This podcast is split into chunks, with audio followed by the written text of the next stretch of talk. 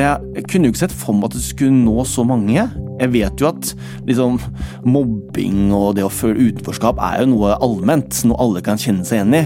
Men at det skulle ta så av, det, det er, var faktisk litt overraskende, syns jeg. It's a disgrace. And I think they ought to apologize to start with. dominere mediebildet. A failing Media pile of garbage. Pause. False and fake, fake, fake, fake, fake, fake, fake. Hei og velkommen til en ny episode av Pressepodden. Mitt navn er Jan Magnus Sveiberg Rørdal, og i dag så har vi besøk av NRK-journalist og MP3-programleder Martin Holmen. Velkommen til Pressepodden, Martin. Tusen takk. Du har den siste uka gått viralt, som det heter, med en personlig ytring på nrk.no. Den skal vi snakke mer om, men først en liten reklamepause. Vil du få med deg de viktigste PR-trendene for 2023? I My Newsdesk sin rapport kan du lese om nettopp disse trendene, og i artikkelen diskuteres det viktige tips du kan ha med deg i arbeidshverdagen din. Les mer om trendene og last ned rapporten på medier24.no. Martin Holmen, eh, sist helg, eller 11. februar da, for å være veldig spesifikk, skrev du en veldig personlig ytring på nrk.no. Kort fortalt, du var hjemme i Alvdal i jula, eh, der du vokste opp. Skulle ta en skitur, og så opplevde du noe helt spesielt. Fortell litt mer om det som skjedde. Altså, Oppveksten på Alvdal for meg var jo veldig fin. ikke sant? Som jeg skriver, naturskjønne altså, omgivelser og sånn postkortaktig. ikke sant? Arda er kanskje verdens fineste sted på jord, hvis du spør meg. Og så var kanskje ikke oppveksten så fin når du kommer til uh, skolehverdagen uh, og fritidsting, liksom. Fordi jeg, uh, jeg opplevde nok å, være, å bli utestengt da, mye. Og så kompenserte jeg mye med å smile og være han blide. Um, og jeg sa jo aldri fra om at jeg ikke hadde det så bra, egentlig. Uh, um, og det, en, det har jo blitt liksom en sånn ting jeg har funnet nå i nyere tid, da, i terapi annet, at jeg er veldig god til å bagatellisere. Så jeg, det er jo en, en kjempeegenskap, hvis du tenker. Men så er det også sånn i voksenalderen da, så er det kanskje ikke så bra å være så god til å bagatellisere alt sammen. Så det gjorde også at jeg eh, for sånn to år siden skrev en annen kronikk som het Falsk lykke, blant annet, hvor jeg forteller om at, det, at ting ble svart og ja, ikke ting var bra. Fordi da hadde jeg jo bagatellisert i mange år og bare gønna på. Um, men i jula da så møter jeg da eh, en av de som mobba meg, i skiløypa.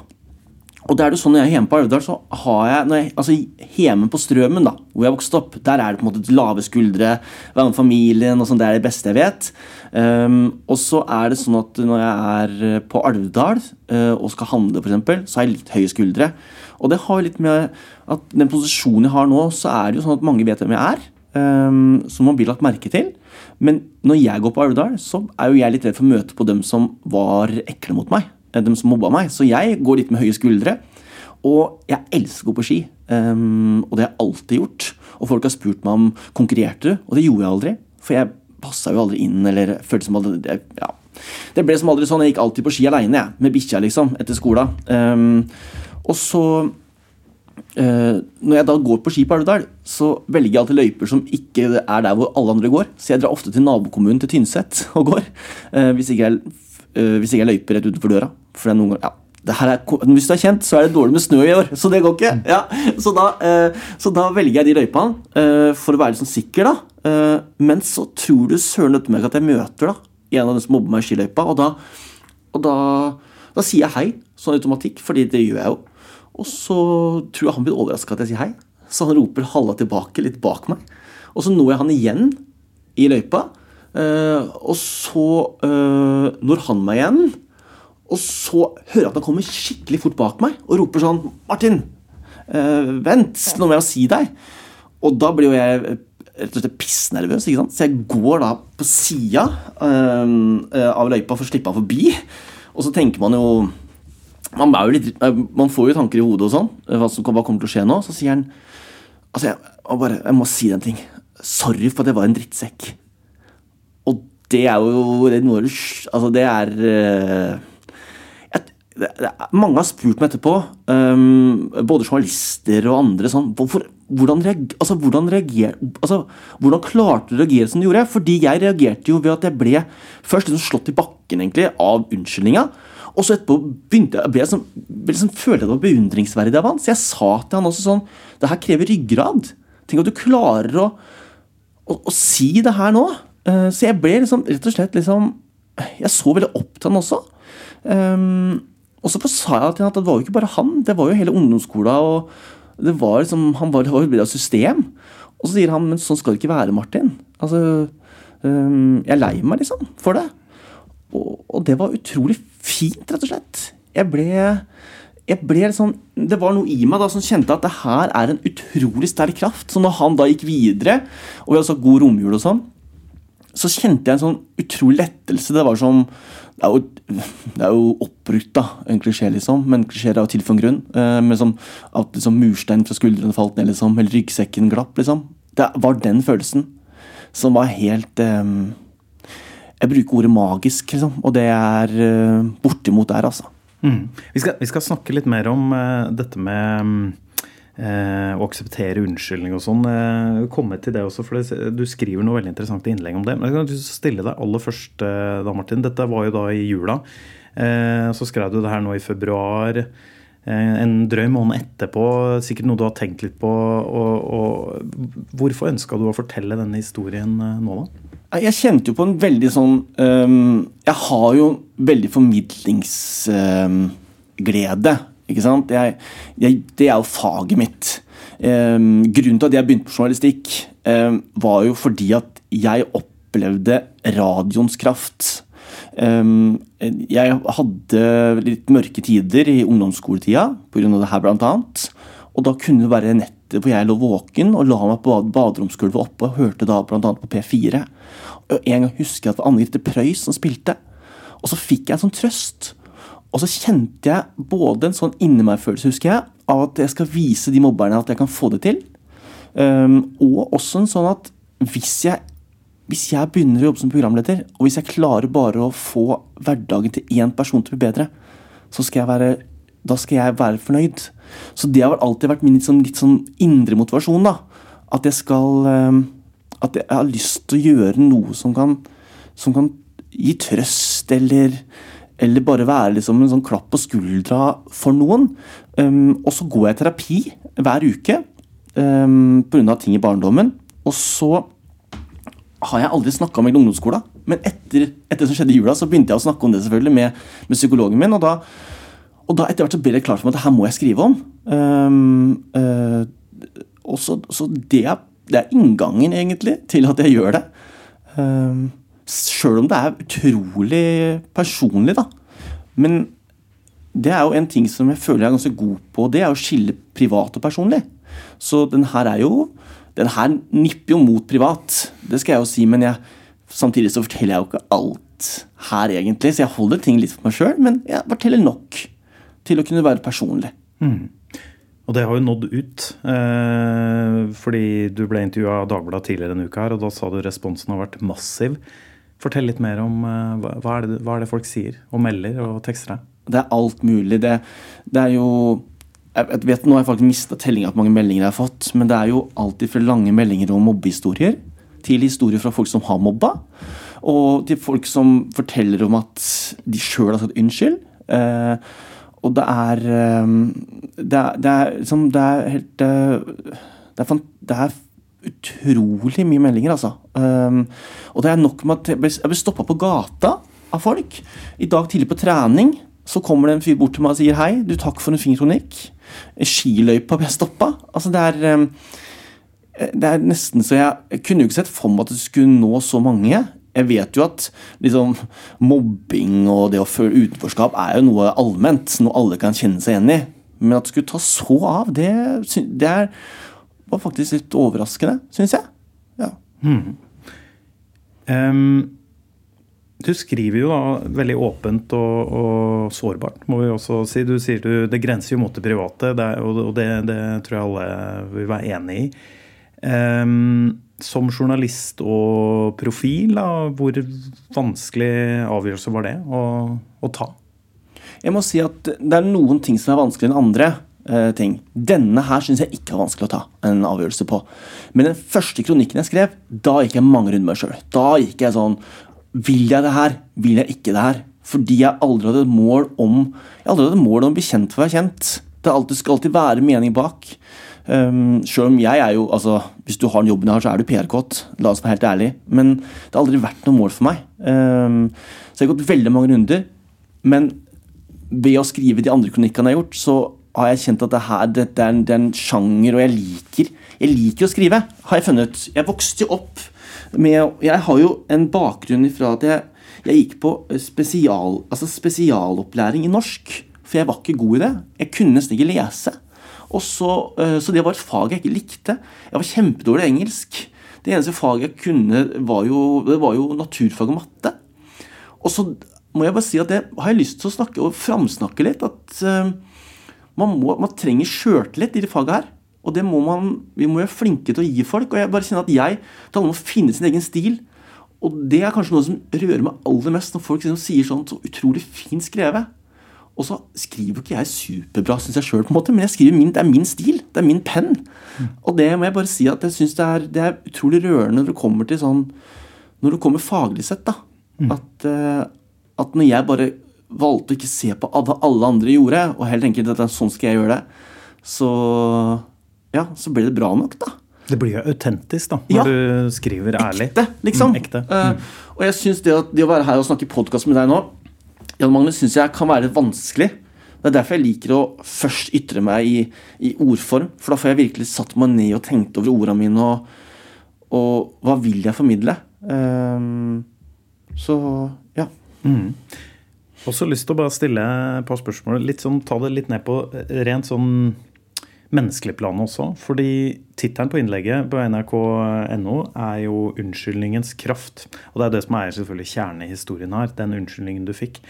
Du skriver også da veldig åpent eh, og ærlig om at du, du følte deg lettere, du pusta friere eh, etter at du aksepterte unnskyldningen til denne eksmobberen. Eh, si noe om den lærdommen du, det ga deg? Altså fordi det, det, er sånn, det, er mye snakk om å, at det er viktig å si unnskyldning, men, men, er mennesker flinke nok til å akseptere unnskyldninger? Altså fordi Du skriver jo også at forsoning må være gjensidig. ikke sant? Uten å snakke som journalist, uh, uten å snakke som psykologprat, um, så um, tenker jeg at uh, Jeg tror folk er det. Men jeg skriver, det er noe med bevisstgjørelsen om det også. Jeg skriver begge to må legge noe i potten. Og det handler litt om at du må faktisk, Det er jo et valg. Og så er det sånn at jeg kan kun snakke om meg sjøl. Og så kan det være at det resonnerer til noen og skaper refleksjon. da. Det er målet mitt. At både den som skal si unnskyld, og den som forventer på din skyld, at de skal begynne å tenke litt. Det hadde vært, det, er, det, er, det hadde vært liksom prima. Um, fordi jeg mener jo at det er jo et valg man tar.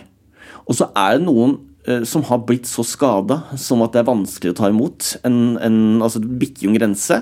Og det må vi ha respekt for. altså. Så det, Jeg sier ikke at hvis du har opplevd uh, urett, at du, du må tak, uh, takke ja til en uh, unnskyldning, og sånn, men jeg sier, at, jeg sier, at, det kan gjøre at du går videre i livet. Um, og så kan det være at du får en unnskyldning i morgen, og så klarer du ikke å ta den imot. Men kanskje om fem år så klarer du å ta den imot, for da har du faktisk brukt litt tid på å reflektere og, og fordøye det.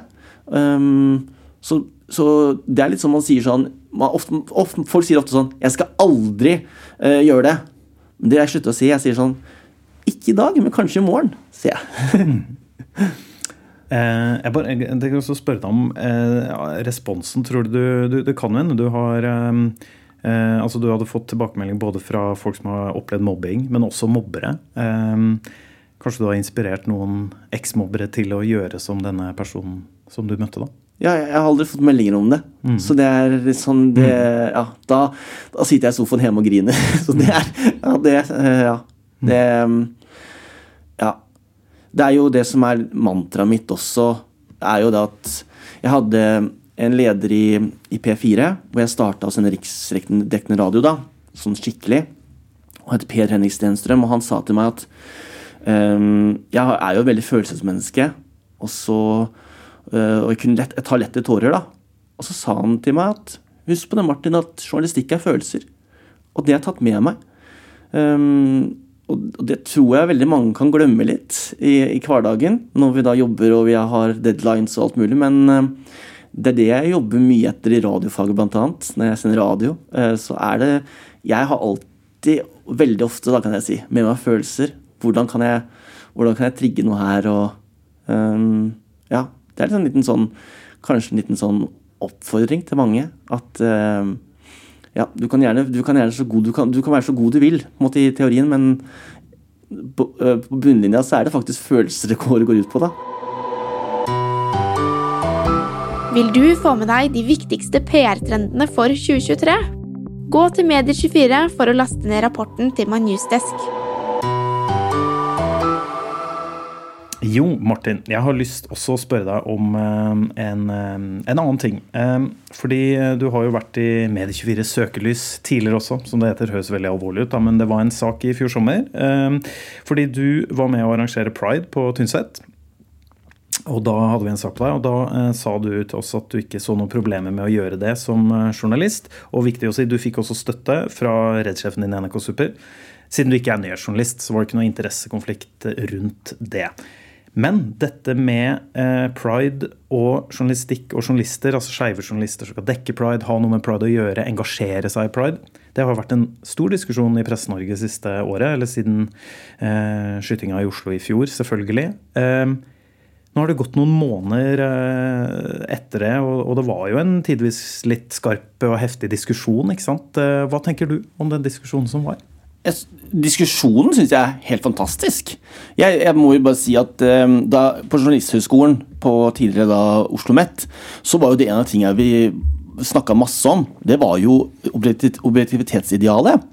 Eh, Og jeg må jo si at det er jo Hvis vi slutter å diskutere det, så er vi jo ute å kjøre. Så det at de spørsmålene kommer, syns jeg jo er helt på sin plass.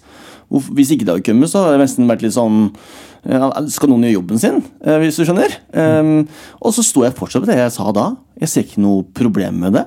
Eh, og det handler om min rolle eh, som profil og som programleder. Eh, spesielt da, da i P3 nå, da, og MP3. eh, fordi vi, vi er, har jo en subjektiv rolle i mange situasjoner. Vi mener ting, eh, og det har vi lov til. Eh, samtidig som vi alltid har med oss da Har jo med oss, har jo med oss etikken likevel. Eh, så det er jo det er jo det som er noe av det jeg syns er eh, mest krevende og også mest spennende med jobben min, er jo akkurat det her eh, hvor, hvor, Hvilken linje kan jeg ligge på? Um, og så mener jo jeg da at, at Jeg mener jo at at pride for meg, det er, det er meg. Uh, og jeg sa sist gang også, sa jeg da at jeg vil jo mye heller vise folk at jeg går i Pride-paraden, at jeg arrangerer pride. At folk skjønner mitt ståsted. Da er det jo, i hvert fall ikke noe tvil da, om at hvor jeg er. Så hvis jeg skal intervjue deg Magnus en gang om pride, så skjønner du jo Da vet du akkurat hvor jeg står. Da kan jeg si det. At eh, dette, det her er mitt ståsted. Dette mener jeg. Og så kan man, Det er veldig mange som blander også pride med, med fri organisasjon der. Og, og det får de gjøre som de vil med. Men jeg mener jo at eh, her diskuterer vi noe helt annet. Her diskuterer vi jo faktisk eh, For meg er det her personlig. Um, Men, men hadde situasjonen vært eh, For du er jo programleder, og som, som, som Huré-sjefen i NRK Super i fjor sa, du er jo ikke nyhetsjournalist. Hvis du hadde vært Martin, nyhetsjournalist på NRK Nyheter og, og, og jobba på desken og skulle dekke det som skjedde i Oslo i fjor, og samtidig arrangerte hadde det vært en litt annen vurdering? Hadde du gjort en annen vurdering da, tror du? Da hadde jeg gjort en annen vurdering også med, med ledelsen. ikke sant? Det, det snakker vi om hver dag. Hvis vi har spørsmål, så går vi til ledelsen. Så det er ikke sånn at jeg, jeg gjør veldig sjelden mine avgjørelser aleine. Det er ikke sånn at jeg bestemmer for å lage pride også uten å snakke med noen. Dette er jo det som er Etikken må vi snakke om. Eh, Så, det, så det, da hadde det blitt en annen diskusjon. Og da vet jeg ikke hva vi har endt opp med, faktisk. Men det, det er veldig spennende og kan man reflektere rundt da, tenker jeg. Uh, Ja. Men jeg, for Du var litt inne på det i stad. En ting som jeg også tenkte skulle spørre deg om, som, du, som jeg synes var interessant, som du sa i fjor eh, i forbindelse med det eh, da du arrangerte Pride, da, eh, så sa du til oss at eh, du syns det er bra at eh, objektivitetsidealet som du var inne på i journalistikken, kan utfordres. Og som du sa, at det, at, det, at det ikke alltid er best å holde meningene for seg sjøl. Nettopp fordi du viser at du er åpen og ikke gjør noe eller jobber noe med noe i det skjulte. Den ytringen som er utgangspunktet for, eh, for at du er her nå, Martin, det, det, det er jo litt i samme tankegangen. Du er jo veldig åpen og um, ærlig om noe. Ja, Så det kan man, man kan dra paralleller til den. Ja. Det er jo ikke hm, uh, Ja, Men, men, virkelig. Ja, men, er det, men, men tenker du for Jeg tenkte jeg også spørre om Syns du kanskje vi journalister burde vært litt mer åpne? Eller vært, vært åpne for å være mer åpne og utfordre det objektivitetsidealet som veldig mange verner jo veldig hardt på? Ja, jeg, syns det var interessant. Det var en av, um, av uh, lærerne våre på skolen som mente at ikke sant, at det ikke går, ingen er objektive. ikke sant? Og hvis du tar det som utgangspunkt, da, som jeg mener er et riktig utgangspunkt For alle har sin bagasje og historie og sin, uh, sin omgangskrets. Så, så mener jeg at man skal være åpen om det. Det, det er mye bedre det enn å jobbe i skjulte. Eh, og det, det vil ikke jeg gå for, i hvert fall. Så det er veldig få som Det, det, som er fint nå, syns jeg, det er veldig få som Da veit du hvor jeg står i den saken. Og da er det jo Og så blir det spennende, selvfølgelig, hvis jeg går over til å være nyhetsjournalist i framtida, så må vi ta en ny vurdering på det. For nå har jo jeg fronta meg sjøl som en, en forkjemper for pride. Men hva er det jeg egentlig er for da? Ikke sant? Det kan du tenke litt på. Eh, det er jo mm, Ja, nei. Det, det, det tror jeg folk skjønner. det, ja, Ja. Og, det var jo, og det er jo selvfølgelig mye av kjernen i den diskusjonen som var i fjor også. Um, men det kunne vi ha hatt en egen podkast om, Det kunne vi. tror jeg, Martin. Dette her synes jeg, ja, det er jo ting jeg brenner for. Vi, eh, jeg ser på tida at vi begynner å nærme oss eh, en liten avslutning. Jeg har lyst til å eh, Jeg tror vi har tid til det. Vi, vi tar et par, par kjappe spørsmål som vi pleier å stille hvis det er tid og anledning til det til gjestene våre. Eh, og nå må vi si at dette har ikke du blitt forberedt på, så nå skal vi være litt sånn kjapp revolverjournalistikk på eh, tampen her. Ja. Det er ikke veldig vanskelig spørsmål, men du må ta det litt på sparket. Er du klar? Ja, jeg er kjempeklar, jeg. Ok, Martin. Um, jeg tror egentlig jeg veit svaret på det neste her, kan jeg bare si med en gang, siden du er radioperson. Men hvor er det du får med deg mest nyheter? TV, radio, nett eller papir? Ja, det er nett, da. Ja, Ja. Ikke radio. Nei. Nei, det er jo, jo masse radio òg. Men, eh, men det er jo Tenk så mye du er på den mobilen din, da. Er på en hel dag. Hvis Ja. Ja, La oss ikke snakke om skjermtid. Nei, ikke det. Ehm, eh, neste. Hva slags journalistikk provoserer eller engasjerer deg mest? Oi, det er gøy. Ehm, Så får deg til å stoppe opp, eller liksom Ja. jeg må si um, uh, Ja, godt spørsmål. Hva, hva engasjerer meg aller mest? Hm, må tenke litt, da. Det er jo det alle svarer sikkert. Sånn klima og miljø, liksom. Uh, Men du kan også ta det som et eksempel. Altså, hva var det den forrige journalistikken som fikk deg til å stoppe opp og bare Oi, shit. Saken, reportasjen, podkasten, sendinga, hva det var. Det er en ting jeg ikke vil Jeg vil ikke kommentere det, men, men, jeg, vil, men jeg kan si det. Og det syns jeg er veldig interessant, og det er jo det siste med Sofie Elise. Um, det er jo Det syns jeg er kjempeinteressant. Ehm, både som profil, men også bare som uh, Ja, hvis du tenker, tar et skritt tilbake, liksom. Hvordan norske samfunnet er og Så det syns jeg er veldig interessant. Ehm, det er det siste, men det er den store snakkisen, da. Eh, utenom det så må jeg jo si at jeg, jeg er jo interessert i ganske mye forskjellig. Liksom. Alt fra Follobanen liksom, til, eh, til, til nedhugging liksom, av, eh, av skogen i Brasil. Um, så hm, Ja, nei det, eh, Ja. Her, her er det mye som går inn, da. Tenk så mange timer jeg sitter liksom, på nettet hver dag. Under hver radiosending sitter jeg på nettet og oppdaterer VG, NRK, TV 2, Dagbladet kontinuerlig liksom, for å få med det siste. Jeg tror, ja, jeg tror den knappen eh, journalister i Norge trykker mest, er FM, er det ikke? Ja. For å oppdatere. Eller kontroll R, da, som jeg bruker. Ja, og hard FM. Det er den beste. Er det det beste? Ja? Du, det, ja, nå, er, nå er vi inne på god, god faglig diskusjon her. Jeg er faktisk enig. Command R, da, som jeg har Mac her nå, Ja. den, det er de to knappene jeg bruker mest. Ja. Egentlig aldri FM lenger. gjør ikke det. Jeg gjør ikke det, nei. Gått bort fra FM. FM. Ja, ja, Det er viderekomne der. Ja. Eh, åh, det var god diskusjon. Eh, men la meg stille neste spørsmål. Altså, kanskje, foruten å trykke command R, eh, i dine øyne, Martin, hva er den beste egenskapen en journalist eh, kan ha, eller bør ha? Det er å lytte. Punktum. Og så er det Er det som jeg har sagt før, følelser. Um, en journalist, det er jeg, ja, det, er- det, er- det skiller liksom Clinton fra Veten, syns jeg, da. Og helt til Sorry, helt til slutt. Hvem inspirerer deg mest i eh, Medie-Norge eller i Presse-Norge? Du kan nevne flere, men er det noen som inspirerer og engasjerer deg? Eller imponerer deg, da? Nå er det, altså, det er jo Problemet mitt nå er at hvis jeg nevner én, så må jeg nevne flere. hvis du skjønner. Fordi det er jo utrolig mange. Uh, og det er veldig mange som hører podkasten her. Så jeg har liksom Jeg har lyst til å nevne en som har vært sånn fra, fra tidlig, da. Det kan jeg gjøre, for det er veldig mange nå. Uh, Alltid fra Mette Bugge, liksom, er forbildet til eh, Åh, fader, altså, det er fader så mange, altså. Fordi jeg er jo en underholdningsjournalist, ikke sant? så jeg har både dem, men jeg har også den som jobber som ordentlig nyheter, som jeg kaller det. da. Eh, men fra sånn barndomsav så var det som Bjørn Forlund i P4, liksom. Marius Kopperud, Øystein Røe Larsen, Niklas Baarli, Jon Kårstad altså Lista er lang, da, med radiofolk. da.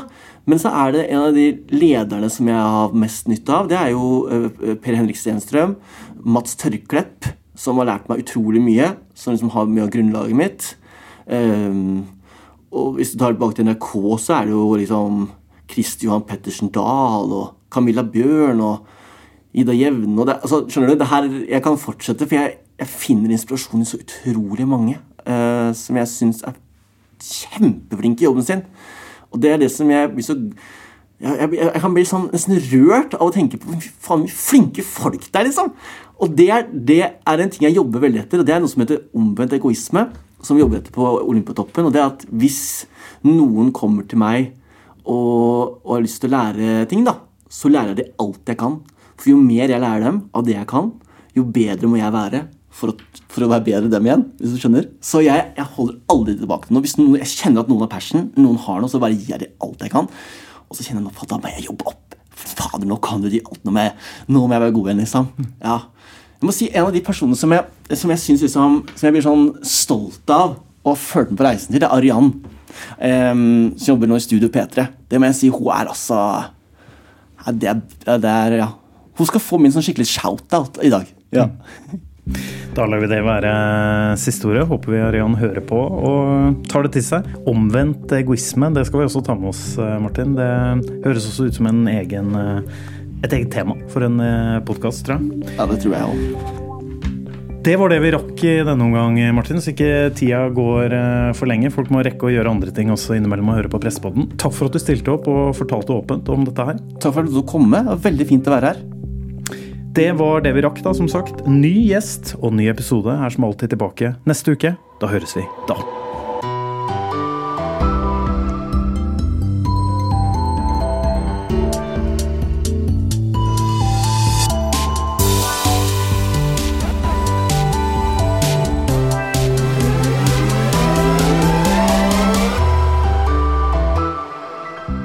Vil du få med deg de viktigste PR-trendene for 2023? Gå til Medier24 for å laste ned rapporten til My Newsdesk.